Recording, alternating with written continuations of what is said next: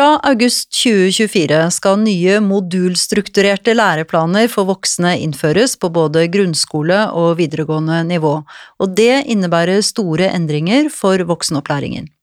Mitt navn er Helene Uri, jeg er forfatter og språkviter, og tidligere i livet så arbeidet jeg med norsk som andrespråk og med opplæring av minoritetsspråklige, så jeg gleder meg til å lære mer om disse forandringene. Dette er en podkast fra HK DIR for deg som jobber i voksenopplæringen.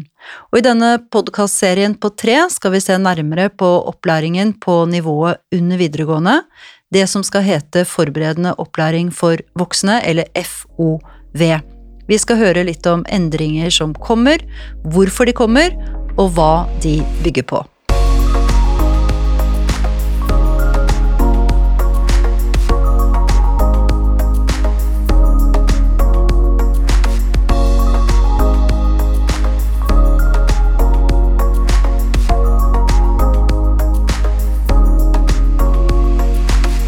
Denne episoden skal vi se nærmere på hvordan det er å jobbe som lærer i modulstrukturert opplæring på nivået under videregående, altså FOV.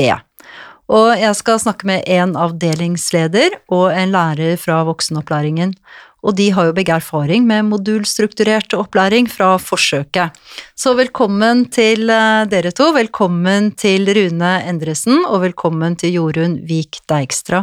Så vi sitter her med to eh, erfarne mennesker. Jeg gleder meg til å høre mer om erfaringene deres. Eh, I Kvinesdals opplæring, voksenopplæring, så er det altså ganske få deltakere. Men uh, hos deg, Rune, på Johannes uh, læringssenter, så er det mange. Og det betyr jo at dere har, dere har, lang erfaring, har vi fastslått. Men den erfaringen dere har, den er jo antagelig også ganske ulik. Så jeg er spent på å høre hvordan opplæringen er organisert hos dere begge. Kan du fortelle litt om eh, hvordan opplæringen i dette forsøket er organisert? Det har endret seg over tid. Eh, de siste to årene så har antall deltakere gått ned. I fjor så hadde vi to fordelte grupper, vi hadde modul 1 og 2 i samme gruppe, og 3 og 4 i samme gruppe. Men dette skoleåret så har vi alle moduler i én gruppe, og vi er bare sju deltakere fordelt på modul 1, 2, 3 og 4. Ja. Og hvordan er det hos deg da, Rune?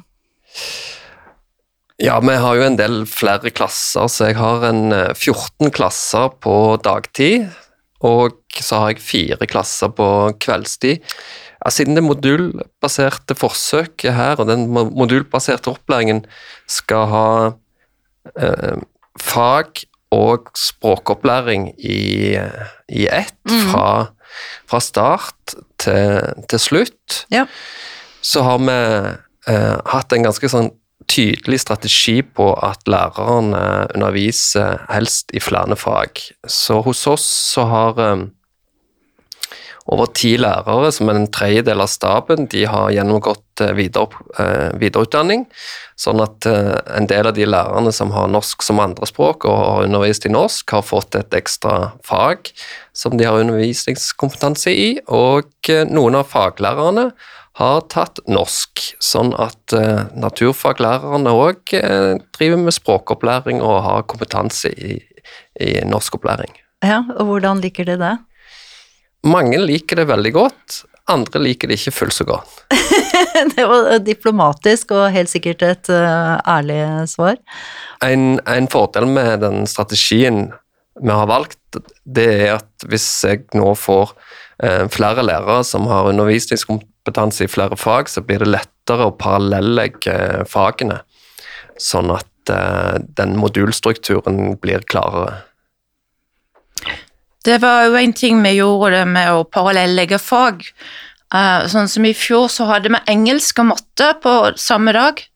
Og så hadde vi samla norsk, samfunnsfag og naturfag på de tre andre ukedagene. For dette det var sånne fag som er mye lettere å integrere norsk i. Ja, nettopp. Sånn at, men når, i år så har vi samme timeplan, men i og med at alle er i samme gruppe, så har det ikke så mye å si i praksis.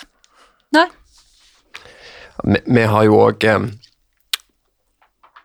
flere klasser på samme modul, Ja. så vi har flere klasser som er parallelle. Og da har vi òg muligheten til å differensiere innenfor samme modul. Så vi har organisert oss sånn at eh, de følger klassen sin i norsk, naturfag og samfunnsfag.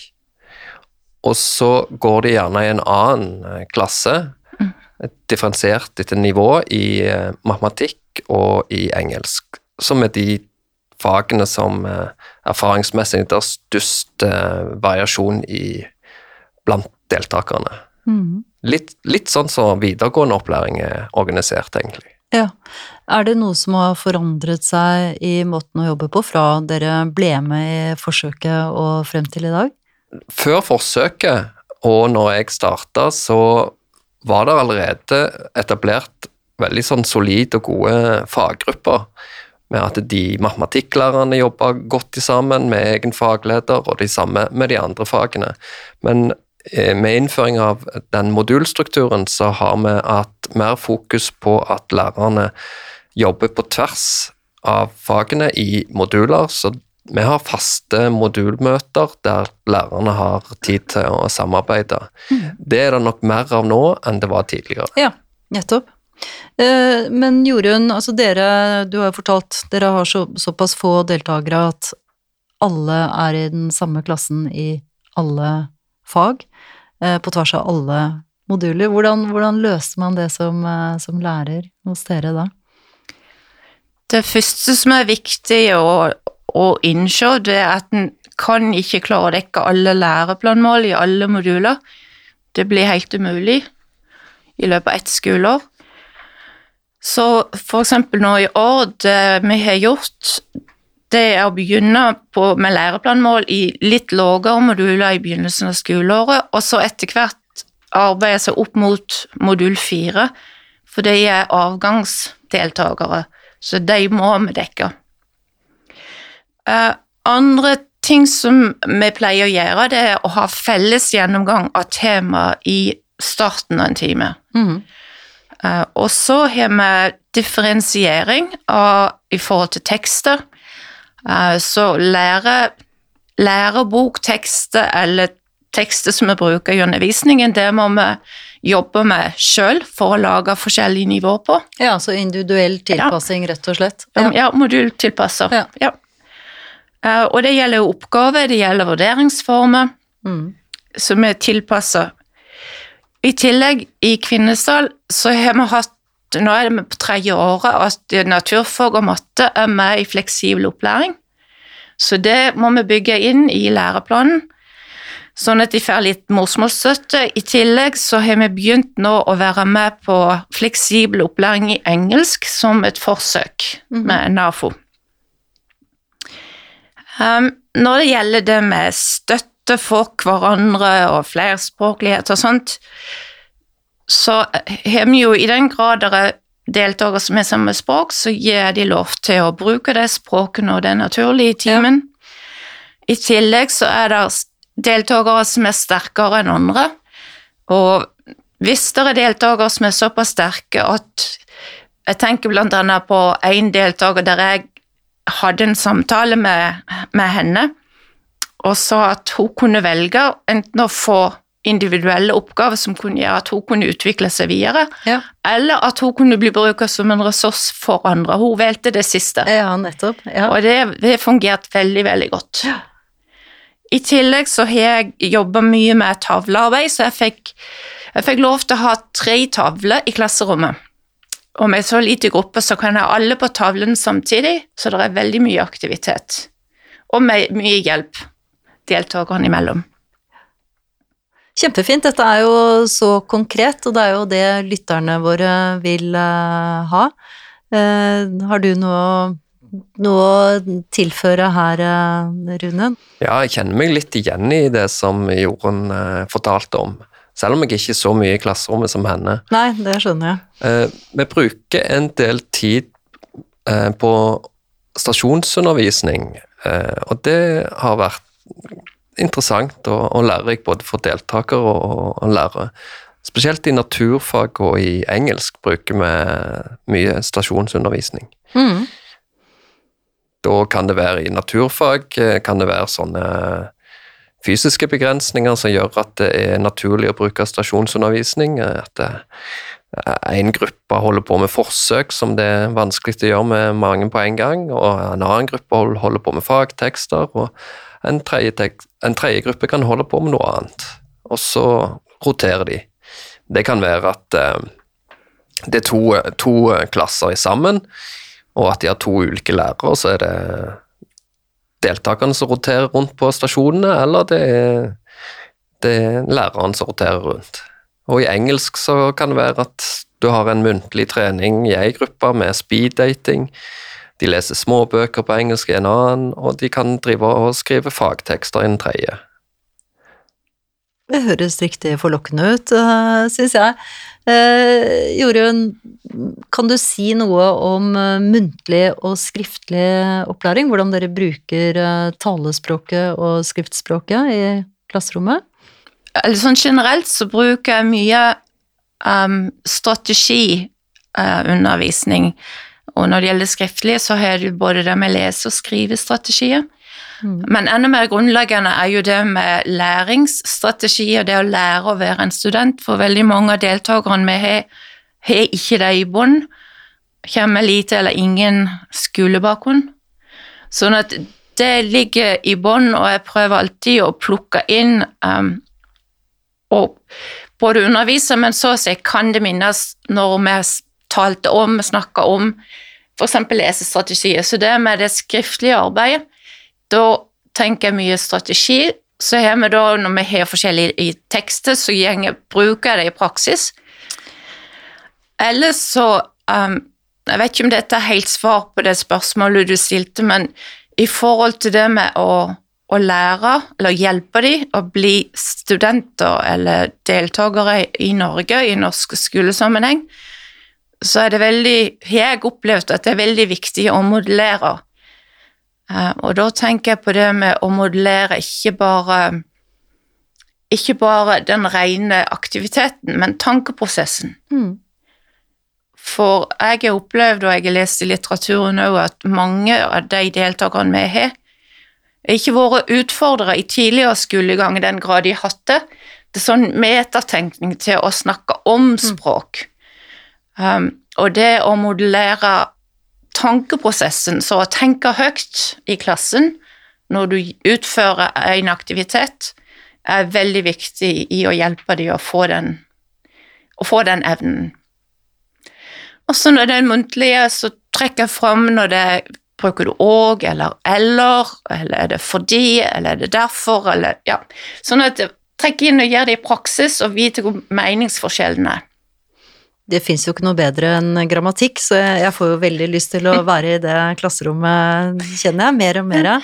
Men uh, nå, nå, er det jo sånn at de nye læreplanene, de, da er det jo meningen at deltakerne skal jobbe med grunnleggende temaer på tvers av fag. Så da går spørsmålet til deg, Rune. Kan du fortelle litt om hvordan dere jobber tverrfaglig? Hvordan gjør dere det? Med, altså, hvordan får dere læreren til å samarbeide? Hva, hva, hva skjer? Vi har en del faste sånne tverrfaglige temaer som vi jobber med. På, I grunnmodul og modul 1 og modul 2 så har de arbeidsliv og utdanning som et tverrfaglig tema, som mange fag er med på. Og der de blokker ut en to-tre uker på, i, i, kalenderen, og så er det det som er tema. Og da, da jobber de mye muntlig, for da har jeg òg grunnmodulen med. Dette er deltakere uten skriftspråk.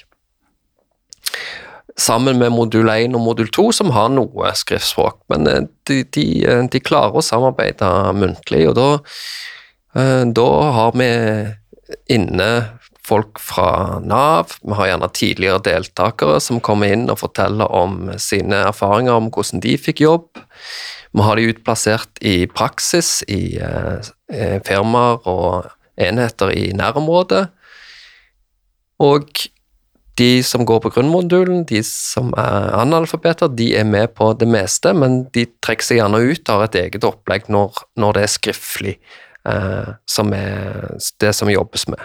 ja. Og hvordan får du lærerne med på alt dette, da? Nei, det Hva er jo gøy. Der? Det er gøy. Det er gøy, ja. Ja. Eh, men det er alltid litt eh, friksjon, og det handler gjerne mer, mest om at eh, det er ikke mangel på, på lyst, tenker jeg.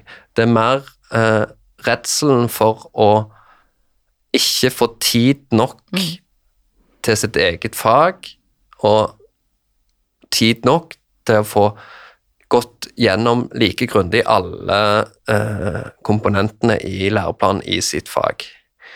Men eh, som Jorunn også har sagt tidligere, det er tilnærmet umulig å, å, å teppebelegge sånn at du har dekt alle kompetanseområdene like godt. Så Så da beroliger du lærerne og sier nettopp det? ja, og sier at det, det er gjerne ikke noen tragedie eller spesielt farlig at de ikke har fått brukt like mye tid på alle tingene. Men når det gjelder grunnskoleopplæringa som vi driver med, så å få det til det grunnleggende fundamentet for videre læring, det er det som er hovedoppdraget som vi har.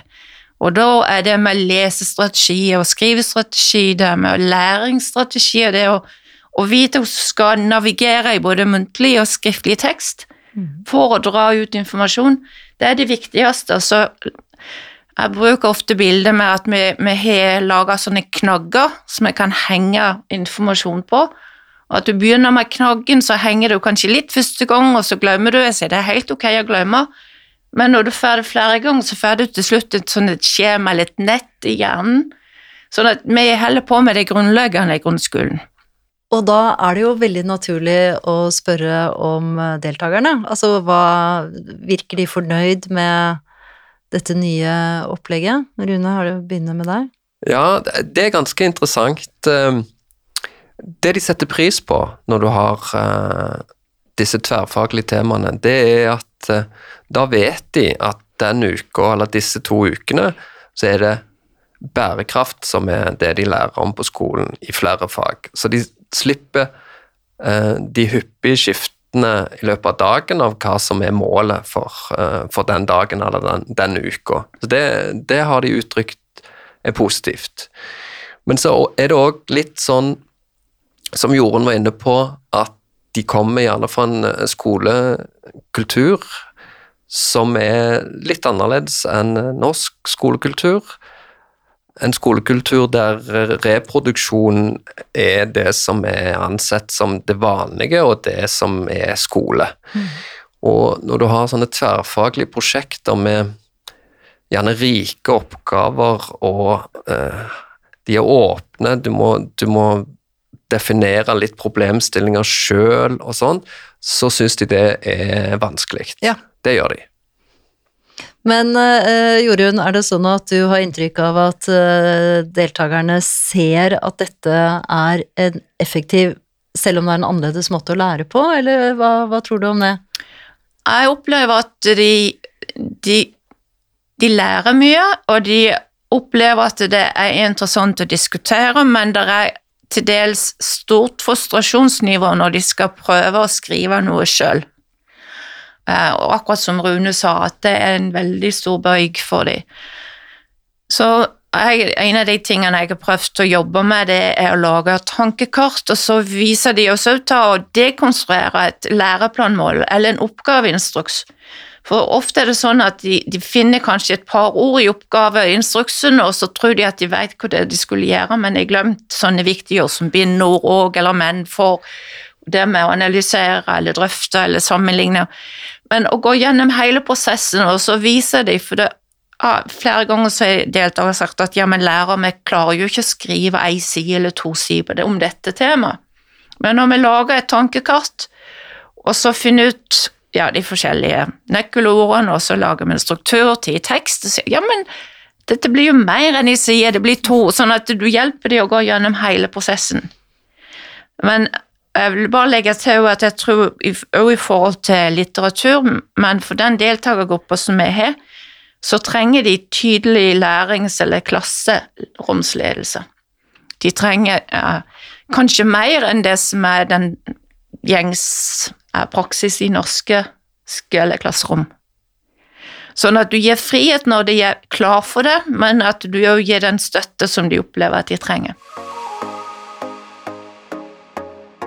Dette er jo egentlig et godt oppspark til eh, avslutningen på denne episoden, fordi nå skal det jo handle om, eh, helt på slutten her, hva slags råd og tips dere har til lytterne, til lærerne som skal starte med dette i august 2024. Og da syns jeg Jorunn var veldig konkret og kom med gode råd her, så da, da er det vel din tur, da, Rune. Hva, hva, vil du legge vekt på?